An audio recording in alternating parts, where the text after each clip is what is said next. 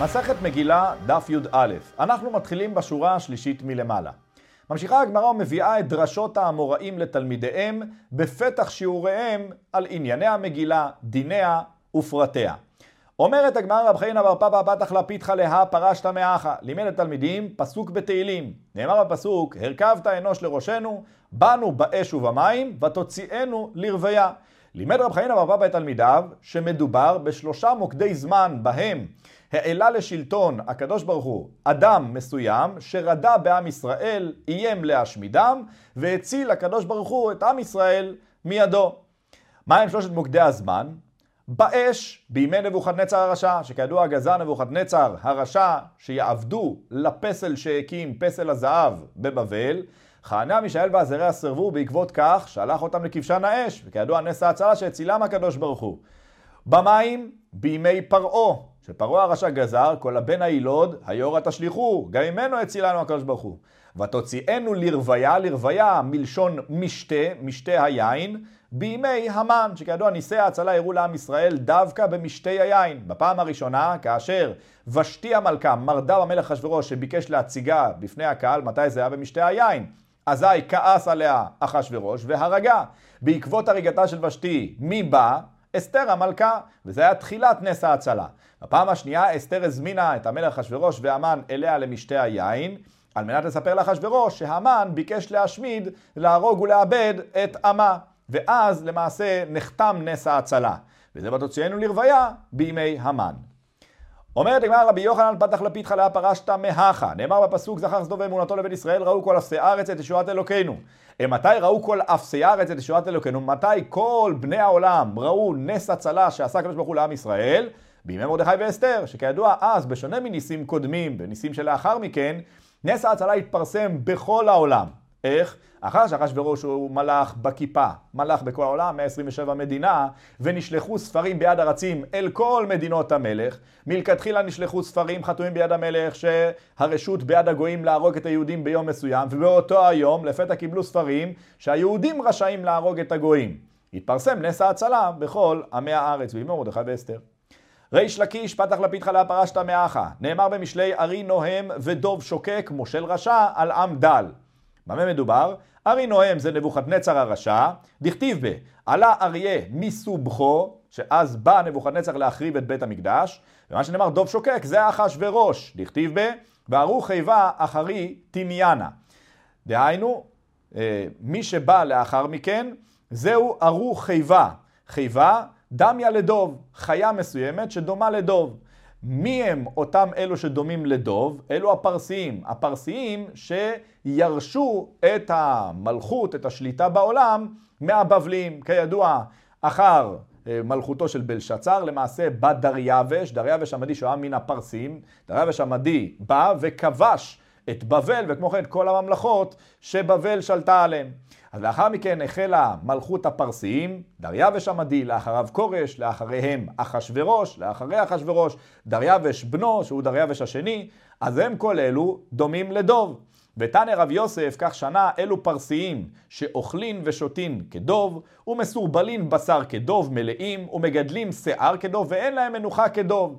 אם אנחנו נקשור דוב בשלשלות, למרות שהוא יהיה קשור, עדיין תמיד יהיה בתנועה. ינסה ללכת הלוך ושוב, הלוך ושוב. תקשור פיל לשלשלת, בהתחלה הוא ינסה לזוז, הוא ישים לב שהוא קשור, הוא לא יזוז יותר. דוב לעומת זאת אין לו מנוחה, כדוב, ככה פרסיים. מושל רשע זה המן על עם דל, אלו ישראל, שכל אלו משלו וניסו להרוג את עם ישראל, שהם דלים מן המצוות, לכן נקראים עם דל, שהתרשלו מן המצוות ולכן באו עליהם. רבי אלעזר פתח לפיתך להא פרשת מהכה, נאמר בעצלתי ממחה מקרא, ובשפלות ידיים ידלוף הבית. אז למעשה שלמה המלך מתכוון בפסוק הזה, על פי הפשט, בעצלתי ממחה מקרא, אדם שלא מתקן סדקים קטנים בתקרה, בסופו של דבר תיפול כל התקרה של הבית. כמו כן בשפלות ידיים, אדם שמתעצל לנקו, לסדר את המרזבים של הבית, ידלוף הבית, בסוף כל הבית ידלוף במים. זה הפשט. אבל מה הדרש?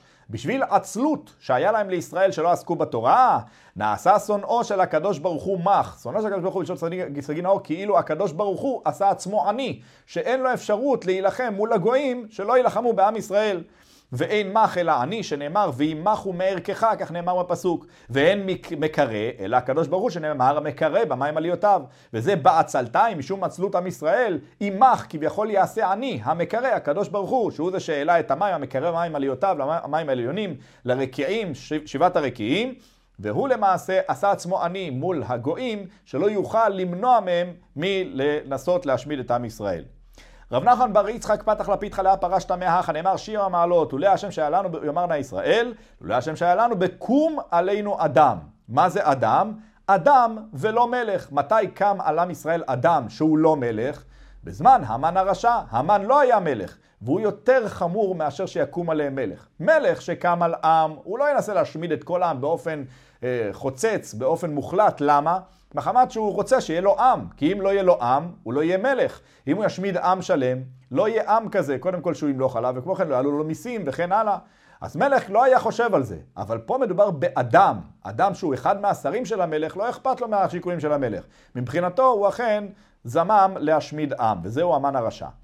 רובה פתח לפיתך לה פרשת מאחה. כתוב בפסוק ברבות צדיקים ישמח העם, ובמשול רשע יענך עם.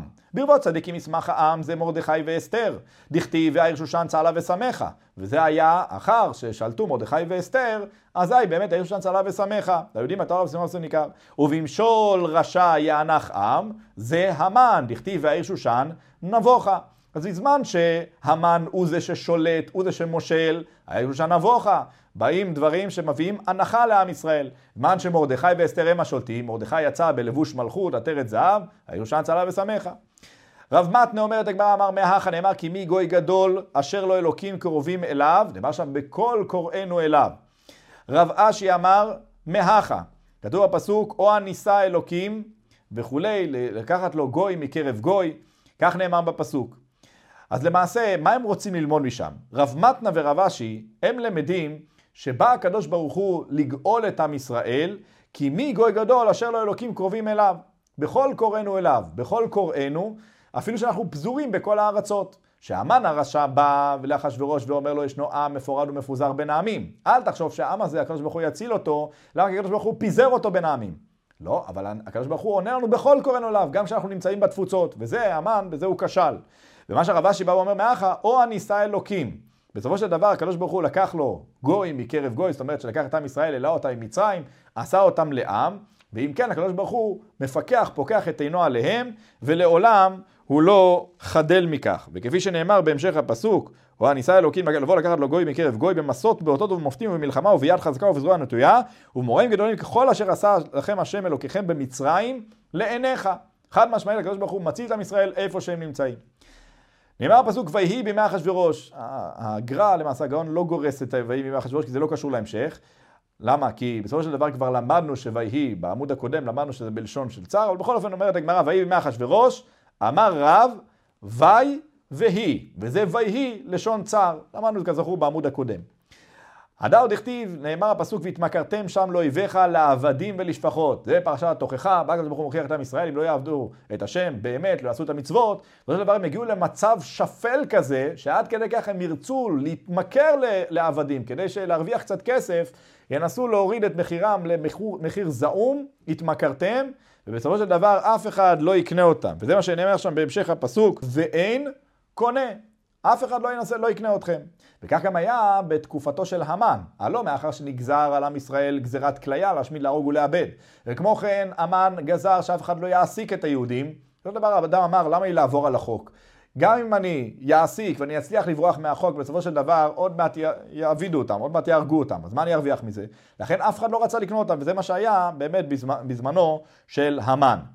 ושמואל אמר, לא מאסתים ולא גאלתים לכלותם, להפר בריתי איתם, כך נאמר הפסוק. דהיינו, אף גם זאת בהיותם בארץ אויביהם, שיהיו במקומות אחרים, שאני אביא עליהם גזירות כליה, אבל לא יכלה אותם לגמרי.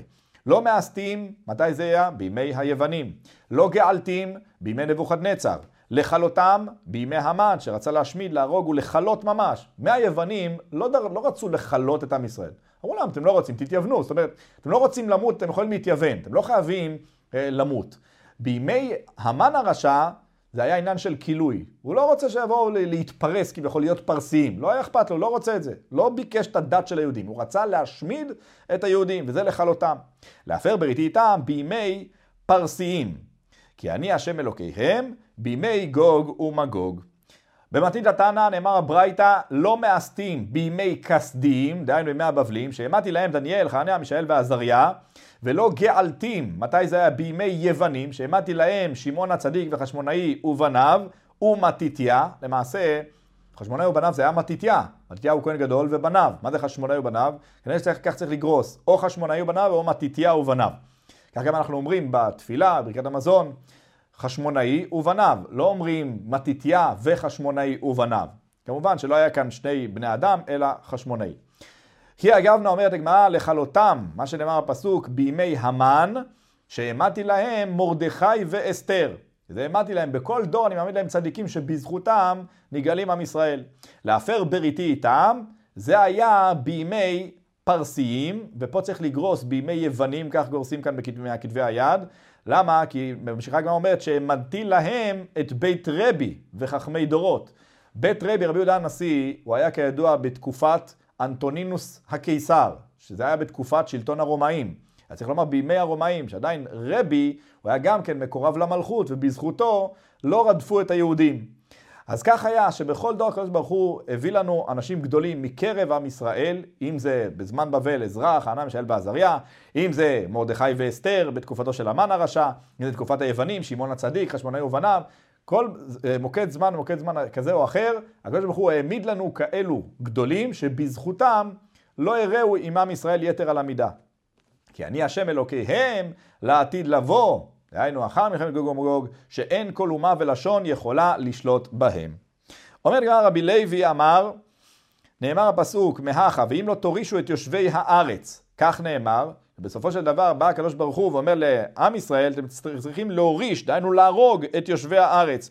והיה שם גזרה מיוחדת להרוג את כל העמלקים ולא להשאיר מהם אחד. בסופו של דבר שאול המלך השאיר את אגג, המלך עמלק, וממנו בסוף יצא המן הרשע. רבי חייא אמר מהכה, והיה כאשר דמיתי לעשות להם, אעשה לכם. כביכול בא הקדוש ברוך הוא ואומר, שאני רציתי, מה שרציתי לעשות לעמלקים, להשמיד אותם, כך אני אביא אתכם לידי מצב כזה של גזירת כליה. אחשורוש אומרת הגמרא, מה פירוש המילה אחשורוש? אמר רב, אחיו של ראש, ובן גילו של ראש. אחיו של ראש, ראש הוא נבוכדנצר, הוא אחיו של ראש, דהיינו באותה דעה כן, נבוכדנצר כביכול אחיו, ובן גילו של ראש, דהיינו בן אותו המזל של ראש של נבוכדנצר. אחיו של ראש, אחיו של נבוכדנצר הרשע, שנקרא ראש, שנאמר, כך אומר דניאל, שהוא ראה בחלומו איזושהי דמות עם ראש זהב, גוף כסף, ידיים מנחושת, הוא אמר, אנטו רישא דידי הווה. כך הוא אומר, אתה המלך נבוכדנצר, אתה היית ראש הזהב בחלום, אז הוא נקרא ראש. בן גילו של ראש, הוא הרג, הוא ביקש להרוג. דהיינו, נבוכדנצר בסופו של דבר הרג מהיהודים, וכמו כן הגלה אותם. הוא, ביצע את זממו. אחשורוש בסך הכל ביקש להרוג, בסוף הוא לא ביצע את זממו.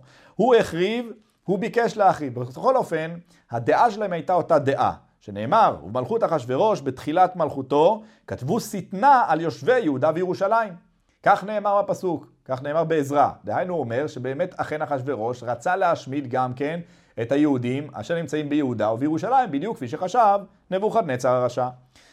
אומרת הגמרא ושמואל אמר, מה זה אחשורוש? שהושחרו פניהם של ישראל בימיו כשולי קדרה, עד כדי כך, משום הצער.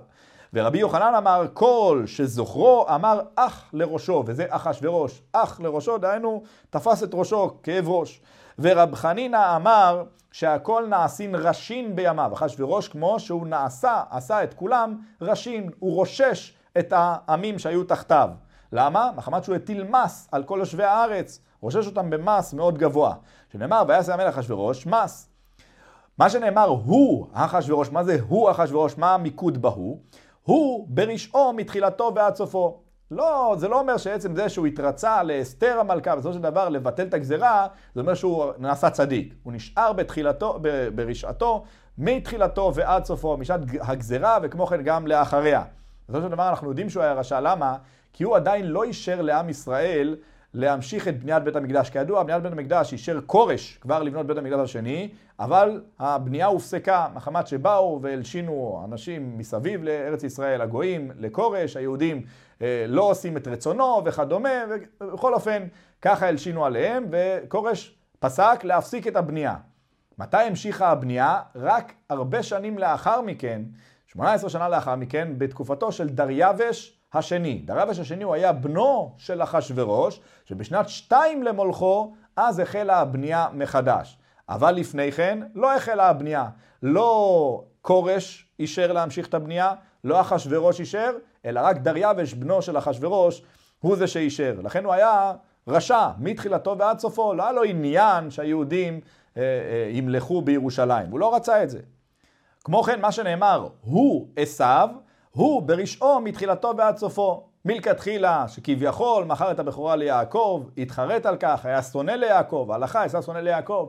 בסופו של דבר, גם לקראת מותו, כאשר באו לקבור את יעקב במערת המכפלה, הוא ערער על כך, לא נתן להם לקבור, עד שבחושים בן דן, ערף את רוב השוק, כידוע בסיפור הידוע. בסופו של דבר, הוא היה רשע מתחילתו ועד סופו, לא חזר בו, הוא לא נעשה אוהב לישראל. הוא דתן ואבירם, הן ברשען מתחילתן ועד סופן. דתן ואבירם כידוע, כאשר היו ניצים במצרים, בא משה רבנו ואמר רשע למה תכה רעך? אחד מהם בא ואמר, להורגנו אתה רוצה כאשר הרגת את המצרי? הם היו ברשעתם מתחילתן וכמו כן עד סופם.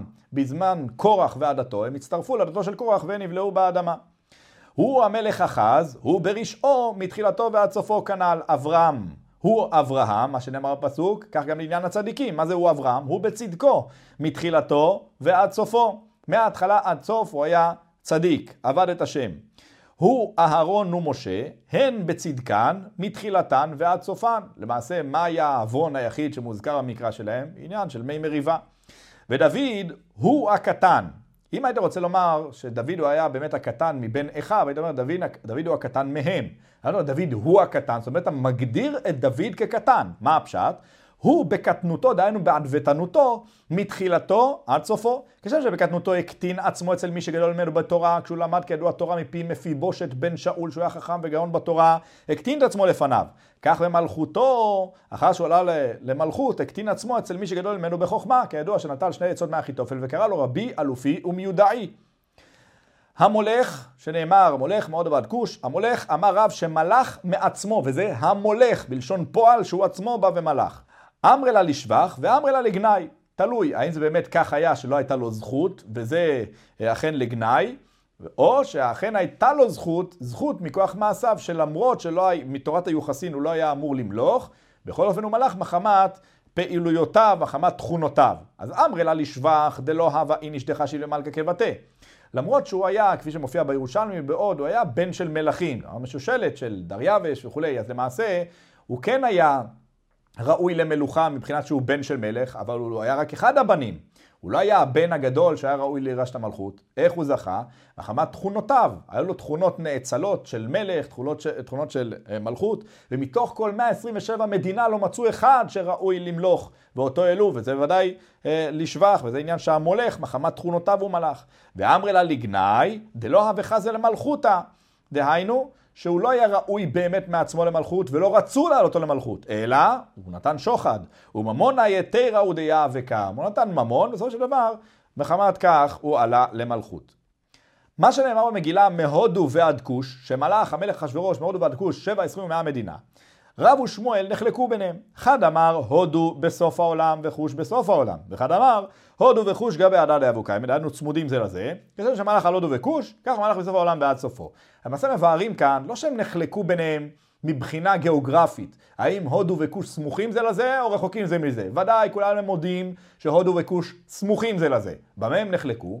מהי מטרת המגילה לומר מהודו ועד כוש? האם כוונה לסמן את השטח הגיאוגרפי של מלכותו של אחשורוש, מהודו ועד כוש, וזה בסוף העולם וזה בסוף העולם, איך בסוף העולם? הרי הם צמודים זה לזה, כי אם אנחנו באמת מודדים מהצד הנגדי של הודו, לא מהצד הפונה לכוש, אלא מהצד הנגדי, ועכשיו אנחנו רוצים להגיע לכוש, אנחנו צריכים להקיף את כל העולם עד שנגיע לכוש, מסוף העולם, מנקודה אחת של העולם, עד הנקודה הסופית ביותר. עד כוש, יוצא שהוא מלך על כל העולם, משל בכיפה. וזה כבר נאמר, שבע עשרים ומאה מדינה, על, על 127 מדינות, ואנחנו רק מסמנים את השטח הגיאוגרפי. אבל השני הוא חולק לא, אבל כבר אמרת שבע עשרים ומאה מדינה, למה אתה צריך לסמן לי עכשיו את כל העולם? אלא ודאי המגילה באה לומר על חומרת המלכות שלו, על, על עניין השליטה שלו. איך הוא שלט בכל 127 מדינות, כשם שהוא שלט באלו הקרובים אליו, בהודו וכוש, שהן סמוכות זו לזו, כשם שהוא שלט בהם, שהן היו קרובות אליו, כך הוא שלט בחוזקה ובעוצמה בכל שאר המדינות בעולם. כך הוא הביאור. כיוצא בדבר אתה אומר, כי הוא רודה בכל עבר הנהר מתפסח ועד עזה, כך נאמר על שלמה המלך, תפסח ועד עזה, בזה נחלקו, רב שמואל אחד אמר, תפסח בסוף העולם ועזה בסוף העולם, שוב, הן סמוכות זה לזו, אני מסתכל, זה, זה פה, זה שם, שלמה המלך משל בכל העולם, ואנחנו מסמלים כאן את השטח הגיאוגרפי שהוא בו משל. ואחד אמר, תפסח ועזה בהדה דדי הבו קיימה. הם באמת היו יחד, וכשם שמלך על תפסח ועל עזה, שהיו סמוכות אל מלכותו, כך מלך על כל העולם כולו. נאמר עוד במגילה שבע ועשרים ומאה מדינה, אמר רב חיסדא, בתחילה מלך על שבע, ולבסוף מלך על עשרים, ולבסוף מלך על מאה. לכן כתוב שבע, עשרים ומאה. כל, הזמן, כל, כל פעם ופעם הוא מלך על יותר ויותר. אלא מעתה, אומרת הגמרא, מה שנאמר בשני חיי עמרם, שבע ושלושים ומעט שנה. מהי דרשת ב? גם שם אנחנו פירטנו את זה שבע, שלושים ומעט. מה אתה לדרוש שם? כמובן שהוא לא היה מלך. אומרת הגמרא, שאני הכא דקראי תיראו. מכדי כתיב מהודו ועד כוש. הרי כבר נאמר מהודו ועד כוש. אני עושה חשבון לבד, אם מהודו ועד כוש, אז אני מבין שהוא מלך בכל העולם. מה אני צריך להגדיר ולומר שבע, עשרים ומאה מדינה? למה לי? שמע מינה לדרשה, ולכן אני דורש שמלכתחילה הוא מלך על שבע, לאחר מכן על עשרים, ולאחר מכן על המאה הנותרות. אבל משנה כן אצל עמרם, אני צריך להשמיע באמת בין כמה הוא היה, לכן שמה אין מה לדרוש. אומר לי לנו רבנן ברייתא, שלושה מלכו בכיפה, דהיינו שלושה מלכו תחת כיפת השמיים בכל העולם כולו, ואלו הן, אחאב ואחשורוש ונבוכדנצר. אחאב דכתיב, חי השם אלוקיך אם יש גוי וממלכה אשר לא שלח אדוני שם, לבקשך, כך בא עובדיה לאליהו הנביא, אחר שחיפש אותו אחאב, אליהו הרי נטל מפתח הגשמים, גזר בצורת על הארץ, וכך היה, אחאב חיפש את אליהו הנביא, בא עובדיה לאליהו הנביא, הוא אומר, הוא חיפש לך בכל מלכו, מלכויות הארץ, הוא השביע כל ממלכה וממלכה. איך ייתכן שאחאב משביע את הממלכות, אם הוא לא שלט בהם, וזה מה שאומרת הגמרא, והיא לא דהבה מליך עליו, היכי מצם אשבע איך הוא יכול להשביע אותם, מי ירצה בכלל להישבע לו? אגב, גם שואלים כאן, איך ייתכן, הרי אחאב הוא לא באמת שלט, אפילו על בן הדד, מלך ארם הוא לא שלט עליו. בן הדד, מלך ארם, אמר, אתה שייך לי. לא רק אתה, אלא גם ביתך, נשיך, בניך, מחמד עיניך, בא בן הדד ואומר לו, כולך, כולך, כל משפחתך שייכים לי. בארצו הוא לא שלט, בכל העולם הוא שלט. אלא מבארים שמשום שאחאב הוא עבד את כל האלילים, את כל העבודות זרות של כלל אה, אה, גויי העולם, לכן אהבו וחיבבו אותו. ומשום שאהבו אותו הם הסכימו להישבע לו. אבל זה עניין שהוא משל בהם. הוא משל בהם בעניין של אהבה, לא בעניין של שליטה בכוח הזרוע. ונבוכדנצר דכתיב, והיה הגוי והממלכה אשר לא ייתן צווארו בעול מלך בבל, כך נאמר בנבואה, אה, בירמיה. דהיינו, לגוי הממלכה שלא ייתן צווארו בעול מלך אבל, כך בא השם ואומר שכולם יתחייבו, כל הממלכות יתחייבו לתת את, אה, את צווארם תחת עול מלך בבל. מה שנבוכדנצר, משל בכיפה. אחשורוש, הדאמרן, שהוא משל מהודו ועד כוש, 127 מדינה, מהודו ועד כוש, בהיקף כל העולם כולו. זה משל בכיפה. אגב, למה צריכה הגמרא ללמד אותנו שיש מלכים שבא, שבאו ומשלו בכיפה, מה העניין הזה? ראשית כל יש לנו לשאול, הלוא לא רק הם משלו בכיפה, כפי שהגמרא עוד תשאל, אבל גם יש לנו את אלכסנדר מוקדון, אלכסנדר מוקדון, שהוא היה מלך אה, יוון, הוא גם כן משל בכל העולם. אלא התוספות מבאר שכל מה שבאנו להשמיע זה דווקא אלו שהוזכרו בפסוקים שמשלו. אלכסנדר מוקדון לא הוזכר, אנחנו לא באנו לספר פה ספרי היסטוריה. זו שאלה ראשונה ותירצנו, אבל שאלה שנייה, יש לנו לשאול מה העניין להזכיר שהמלכים משלו בכיפה בכלל, גם כשמוזכרים בפסוקים, מה העניין שלנו לדעת את זה? אלא מבאר הבן יהוידע שיש כאן עניין מיוחד, שאנחנו צריכים לדעת שמי שמייקר ומכבד את השם, השם נותן לו מלכות וממשלה. ולמעשה גם אחאב, גם נבוכדנצר וגם אה, אחשורוש, כולם היה בהם איזה עניין מסוים של דבקות כזו או אחרת בהקדוש ברוך הוא. איך?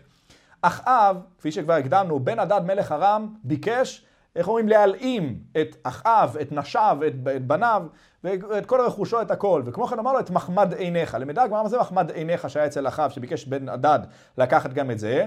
זה היה ספר התורה. ולזה אחאב לא הסכים ומסר את נפשו, ומבחינתו מסר את כל עמו למלחמה בבן הדד.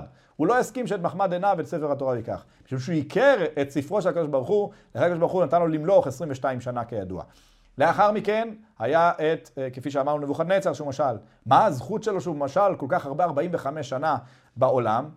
בסופו של דבר מבארים שהרי כידוע היה מקרה שנבוכדנצר הוא היה עוד סופר, המלך בלעדן, מלך בבל שהיה לפניו, ובלעדן שלח איגרת לחזקיה, אחר שאירע נס עם השמש וכולי, שלח לו איגרת לחזקיה. הוא אמר שלם הלך מלכה ושלם לאלהה שמאיה. אז למעשה הוא הקדים את המלך, ולאחר מכן הוא נתן שלום לקדוש ברוך הוא. נבוכדנצר, כשהוא פתאום קלט את זה, אחר שכבר השליח החל לצאת עם האיגרת, הוא רדף אחריו. נכון שרק ארבע פסיעות הוא פסע אחריו ורץ בכדי להחזיר את האיגרת, אבל כבר בשכר זה ניתן לו את אותו השכר, כך מבואר במסכת סנהדרין, באמת הוא רץ אחריו, החזיר את האיגרת ושינה, ואמר שלם השמיא ולאחר מכן למלך. הוא עיקר את הקדוש ברוך הוא, בזכות זה הוא משל בעולם. אחשורוש, לא היה לו איזה עניין כזה, הוא לא עיקר את הקדוש ברוך הוא כלל ועיקר, אבל בסופו של דבר, משום שהוא נדבק לצדיק, אסתר המלכה, הוא היה אה, קרוב אליה, לכן בזכות הצדקת הוא גם כן זכה במלכות, כידוע הוא מלך 14 שנה על כל העולם כולו. סימן שס"ד כ. אומרת הגמרא ותו ליקה וכי אין עוד כאלו מלכים שמשלו והאיכה שלמה, שלמה מלך שמשל גם כן בכל העולם. אומרת הגמרא לא סליק מלכותה, לא הסתיימה מלכותו של שלמה כידוע השמדי מלך השני כמו שאמרנו במסכת גיטין, הוא ישב על כיסא מלכותו, החליף את שלמה, שלמה הפך להדיוט ממלך ואז לא, הוא לא השלים את מלכותו. אבל מה, ניחא למד דמר שתי דעות בעניין הזה. הניחא למד דמר מלך והדיוט, הוא היה מלך והפך להדיוט, עני וכולי, חסר קול, ולא חזר להיות מלך. אז אני מבין שאכן הוא לא שלט בהכל, ולכן אני מבין למה לא הזכרת אותה. למד דמר מלך הדיוט ומלך, שהוא חזר לאחר מכן למלכות, מאי איכא למימר, למה אתה באמת לא הזכרת את שלמה? אבל נקבע, שלמה מילתא אחריתא, ובעיה בו דבר אחר, שאת זה לא רצינו להזכיר. שמה? שמלך על העליונים ועל התחתונים, הוא מלך בכל העולם, לא רק בעולם הזה, גם על העליונים, דהיינו על כל השדים, הרוחות וכולי, שנאמר, וישב שלמה על כיסא השם. מה זה כיסא השם? כביכול בשמיים. שמיים זה מעל השדים שנמצאים בין שמיים לארץ, הוא מלך על כל אלו. אז לכן, משום ששלמה המלך מלך כך, באופן כל כך אה, מוחלט, אותו לא הזכרנו, הזכרנו רק את אלו שמשלו בכיפה, מתחת כיפת השמיים, לא אלו שמשלו מהשמיים ומטה. שואלת הגמרא ואב הסנחריב, סנחריב מלך אשור מלך לפני שהבבלים כבשו את אשור, אבל עדיין סנחריב הוא זה שמלך גם כן בכיפה דכתיב. מי בכל אלוקי הארצות האלה אשר הצילו את ארצם מיידי. מפורשות הוא מעיד שהיינו שכל הארצות, הוא משל בכל העולם. אומר מה, כן, אבל האי כירושלים דלא כבשה. הוא משל את כל העולם חוץ מהעיר ירושלים, גם שהוא משל בערי יהודה, אבל בירושלים הוא לא משל, הוא לא הצליח, כידוע, כל הנס שאירע שם, שהוא הביא את כל מאות האלפים של החיילים, ומתו לו ניסים גדולים, הוא לא הצליח לכבוש את ירושלים. ולכן לא הזכרנו אותו. שואל הגמרא, והאיכא דריווש, הרי דריווש המדי. בסופו של דבר הוא כן, הוא כן משל בעולם. דכתיב, דריווש מלכה כתב לכל היום היה, ומיה ולשניה, דידה ירין בכל הרע, שלמכו נשגה. דהיינו, הוא כתב לכולם, שלומכם רב. איך הוא כתב לכולם ששלומיהם יהיה רב? זאת אומרת, איך הוא כתב לכל אחד ואחד? מה העניין, מה החיבור שלו איתם? בוודאי שהוא משל על כולם. אומרת כן, אבל בסופו של דבר, האיכא שבע דלא מליך עליו. ישנם שבע ארצות שהוא לא הצליח למלוך עליהן. דכתיב שפרקא דם דריווש והקים על מלכותה לאחשדר פניה מאה ועשרים. הוא מלך במאה עשרים מדינות, לא מאה עשרים ושבע. אחשורוש שבא אחריו מלך במאה עשרים ושבע מדינה. אומרת הגמרא והאיכא כורש, הרי כורש עצמו מלך בכל העולם, דכתיב כה אמר כורש מלך פרס כל ממלכות הארץ נתן לי השם, מפורשות. הנה, כל ממלכות הארץ היו תחתיו. ותקבע, כן, אבל הטעם, השתבוכה אודקה משתבח בנפשי. כורש בסך הכל התרברב, השתבח על דבר שלא באמת היה לו, הוא לא מלך בכל העולם. הוא רק כך אמר שהוא מלך בכל העולם. אומרת הגמרא בימים ההם כשבט המלך, כך נאמר בפסוק במגילה, מה זה בימים ההם כשבט המלך אחשוורוש על כיסא מלכותו, וכתיב בתרי בשנת שלוש למלכו. אז כשבט המלך אחשוורוש על כיסא מלכותו, אני מבין שזה היה מיד באותה השנה, שנה הראשונה שהוא ישב על כיסא מלכותו, שהוא הומלך למלך. ולאחר מכן, מה שכתוב בשנת שלוש למולכו, מה אני מבין? שרק בשנה השלישית למלכותו. ולכאורה המקרא סותר את עצמו מיניה ובה. האם זה היה כשבט המלך על כיסא מלכותו, אז הוא עשה משתה, או בשנת שלוש למלכו הוא עשה את המשתה? אמר רוב, מהי כשבט? לאחר שנתיישבה דעתו. דהיינו בשנת שלוש למלכו, אז זה היה כשבט. לא כשבט על כיסא מלכותו שהוא הומלך למלך, אלא שנתיישבה דעתו. למה? למעשה, כפי שהגמרא מיד תבאר, הם היו יודעים, מה שנאמר בירמיה, שאחר 70 שנה לבבל, לא היה ידוע 70 שנה למטה, אבל הם יודעים, זה כך השתרש בכל העולם, ש-70 שנה, אחר 70 שנה, ישובו היהודים וימלכו בארץ ישראל מחדש. דהיינו, השם ישיב את מלכותם, יחון את עם ישראל. השאלה הם לא ידעו רק לאיפה למנות את ה-70 שנה הללו. האם למלכות בבל, האם, האם למנות אותם לגלות ישראל, ואיזו גלות, הראשונה, השנייה, לא ידעו בדיוק למתי אה, אה, למנות זאת. ולכן זו הייתה הטעות. אבל המלך אשוורוש מנה לפי החשבון שלו, וראה שאכן עם ישראל הגיע 70 שנה לפי החשבון שלו, עם ישראל לא שב לארצו, לא מלך, הוא הבין שהקדוש ברוך הוא לא מוחה לעם ישראל, ואם כן הוא יכול לעשות מה שהוא רוצה, להשתמש בכלי המקדש וכולי, ולרדות בעם ישראל. אז כך, כך אומרת הגמרא. הגמרא, אמר רובה מאי כשבט לאחר שנתיישבה דעתו. אמר בלשצר חשב וטעה, כך אומר אחשורוש. בלשצר, שהיה עם מלכות בבל, שהוא היה בנו של נבוכדנצר, הוא חשב וטעה, דהיינו הוא חישב את הזמנים 70 שנה, הוא חשב שאכן הגיע 70 שנה וראה שעם ישראל לא נגאלים, השתמש בכלי הזהב של המקדש וטעה ולכן נגזר עליו מיתה. אבל אומר, הנחה שיבנה ולא טעינה. אני חישבתי כפי שצריך ולא כמו בלשצר ולא טעיתי. מהי? והרי הגמרא, במה מדובר בכלל? תכתיב, כתוב ב, אה, בירמיה, כי לפי מלות לבבל 70 שנה, אפקוד אתכם. כך נאמר בפסוק. דהיינו, שימלאו לבבל 70 שנה, לאחר מכן יבוא הקדוש ברוך הוא את עם ישראל חזרה לארץ. מצוין. וכתיב, כתוב למלות לחורבות ירושלים 70 שנה. עוד פסוק בירמיה. עכשיו השאלה, למה אתה מונה? לבבל לחורבות ירושלים? לחורבות ירושלים אנחנו נשתמש בזה בהמשך, אבל בינתיים הם דרשו את מלות 70 שנה לבבל. חשוב, כך חישב בלשצר את 70 השנה, לבבל, מה זה לבבל? למלכות בבל, ששלטה בבל בעולם, כידוע, אחר מלכות אשור. מתי החלה מלכות בבל שלטונה בעולם? בתקופתו של נבוכדנצר. כמה שנים מלך נבוכדנצר? 45 שנה. אז כך הוא חישב. 45 דנבוכדנצר. ולאחר נבוכדנצר מי מלך? אוויל מרודח. כמה שנים? 23. הוסיף לחשבון 20 ותלת דאוויל מרודח. אחר אוויל מרודח מי מלך? הוא עצמו, בלשצר. הוא למעשה מלך שלוש שנים, אחר שנתיים הוא עשה את החשבון, ותרתי דידי שנתיים ממלכותו, יחד, שנתיים שלו, 23 של אוויל מרודח ועוד 45 של נבוכדנצר, עולה לחשבון 70 שנה. ה-70. עברו 70 שנה ועם ישראל לא נגאל בידי השם, משמע שהשם לא מוחה להם. על כן הוא התיר לעצמו את הרסן ואת הרצועה, אפיקמנה דבי מקדשה, והשתמש בו, הוציא את כלי המקדש, כלי הזהב, כלי השרת, והשתמש בהם. מתי השתמש בהם? במשתה שעשה לכל שריו ועבדיו בעקבות ניצחונו על דריווש המדי. ולאחר מכן נגזר עליו גזירת מיתה ועודה שנה והוא מת. ונבוכדנצר אומרת לגמרא מנלן ד-45 שנים מלך. מאיפה אני יודע שמלכותו הייתה 45 שנה? דאמר מר, ישנה ברייתא, אומרת הברייתא גלו בשבע, גלו בשמונה. גלו ב-18, גלו ב-19. אנחנו נקדים ונאמר שמה שנאמר כאן, 7, 8, זה אותה גלות, זה נקרא גלות יהויכין. גלו ב-18, גלו ב-19, זה גם כן אותה גלות, זה הגלות הסופית שהחרים נבוכדנצר את בית המקדש והגלה את עם ישראל. למה זה 7, 8, זה 18, 19? כי השאלה למתי אנחנו מונים. נבוכדנצר, משל בכיפה החל את מלוכתו למעשה שנה אחת לפני שכבש את יהויקים, לפני כיבוש יהויקים, דהיינו לפני כיבוש ירושלים, לפני ציוויו ליהויקים מלך יהודה, שיעלה מיסים ויעשה את כל מה שהוא מצווה אותו. דהיינו שיהויקים, מלך יהודה וכל מלכות ישראל למעשה הייתה תחת שליטתו של נבוכדנצר. מתי זה היה? בשנה השנייה למולכו. בהתחלה הוא כבש את נינווה, לאחר מכן, שנה שנייה, הוא משל בירושלים. אז למעשה, כשאנו מונים שמונה שנים למלכותו של, של אה, נבוכדנצר, דהיינו לתחילת מלכותו, זה רק שבע שנים לכיבוש יהויקים. כשאנו מונים שמונה עשרה שנה למלכות, לכיבוש יהויקים, זה לא שמונה עשרה שנה למלכותו של נבוכדנצר, אלא זה תשע עשרה שנה למלכותו של נבוכדנצר.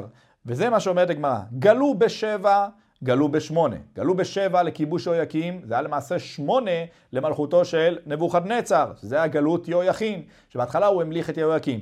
אמרו לו שיהויקים לא רוצה להעלות מס אליו, הוא עלה לירושלים, הרג את יהויקים. לאחר מכן הוא המליך את בנו יהויכין. חזר לבבל, אמרו לו שריו ועבדיו, השוטה אתה, מה אתה ממליך את בנו של מי שהרגת? חזר לירושלים, הוריד את יהויכין מהמלכות, וזה כבר היה באותה שנה אפילו, מיד הוא הגלה את אה, יהויכין לבבל, זה היה גלות יהויכין עם החרש והמסגר. לאחר מכן, אז בשנה ה-18-19, לאחר מכן, אה, זה הזמן שהוא הגלה את כל יושבי ירושלים. בכל אופן, זה היה, גלו בשבע, גלו בשמונה, גלו בשמונה עשרה, גלו בתשע עשרה. גלו בשבע לכיבוש יהויקים, כפי שאמרנו, לזמן שהוא כבש את ירושלים, שזה היה גלות יהויכין, שהיא שמונה לנבוכדנצר. גלו בשמונה עשרה לכיבוש יהויקים, שזה היה גלות צדקיהו, שלאחר מכן הרי אה, מלך צדקיהו בירושלים. אז זה היה גלות צדקיהו, שהיא תשע עשרה לנבוכדנצר, מצוין פשוט. דאמר מר, שנה ראשונה כיבש נדבה, שנייה כיבש יהויקים כפי שביארנו. וכתיב, ויהי ב-37 שנה לגלות יהויכין מלך יהודה, ב-12 חודש, ב-25 לחודש, נשא אוויל מרודח מלך בבל, בשנת מלכותו, את ראש יהויכין מלך יהודה ויוצא אותו מבית הכלא. הרי אחר שהגלה נבוכדנצר את יהויכין, הוא שם אותו בבית הכלא. מי זה שגאל אותו, שהוציא אותו מבית הכלא? זה היה אוויל מרודח, שהוא מלך אחר נבוכדנצר. וזה היה 37 שנה אחר גלות יהויכין, בשנה הראשונה למלכותו של אה, אוויל מרודח. 37 שנה אחר גלות יהויכין, שגלות יהויכין הייתה שמונה שנים אחר תחילת מלכותו של נבוכדנצר, רק לאחר מכן משל אוויל מרודח, הווה אומר, ששנות מלכותו של נבוכדנצר היו 45 שנה, הנה 37 ועוד 8, 45, מצוין. תמני ותלתין ושבע, הרי 45 לנבוכדנצר. ועשרין ותלת דאוויל מרודח, אומרת הגמרא, גמרא, זה מקובל לנו שהוא משל 23 שנים.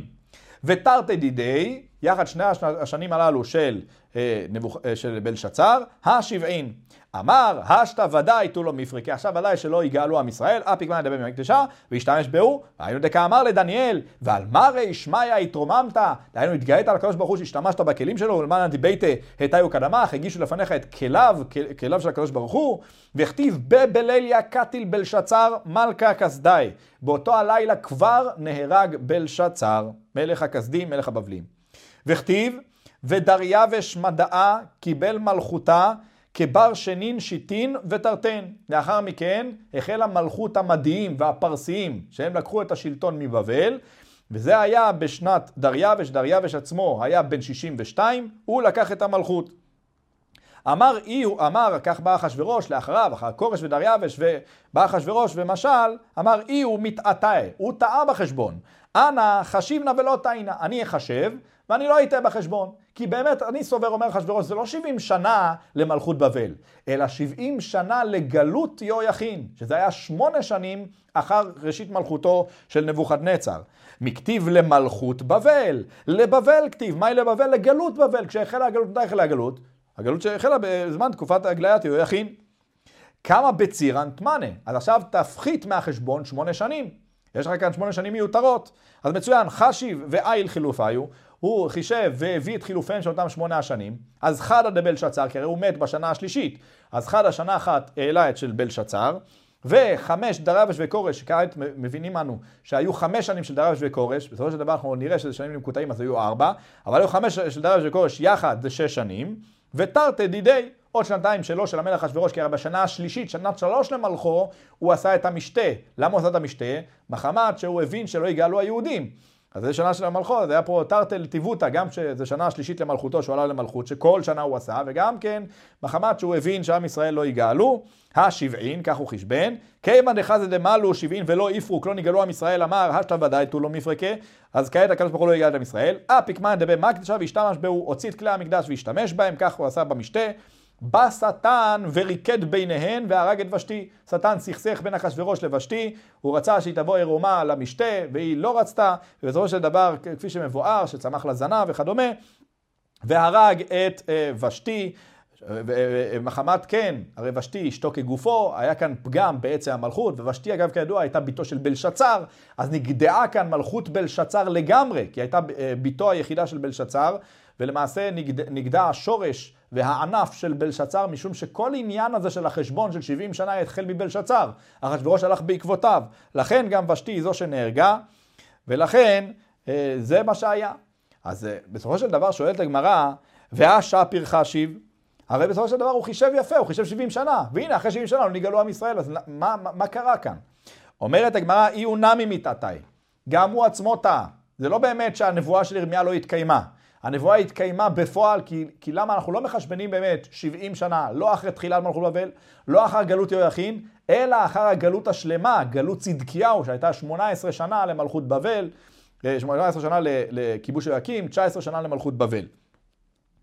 אומרת הגמרא, דאיבאלה למימלה מחורבות ירושלים, וזה הפסוק השני שהבאנו מירמיה של 70 שנה לחורבות ירושלים, ולא לא למלכות בבל ולא לגלות הראשונה של בבל. אומרת הגמרא סוף סוף כמה בצירן, טוב, כמה נחסרו לנו עכשיו שנים שאותם אנחנו צריכים למלות? 11, 11 שנה, כי הלוא בין גלות אה, יהויכין ועד גלות צדקיהו יש לנו 11 שנה.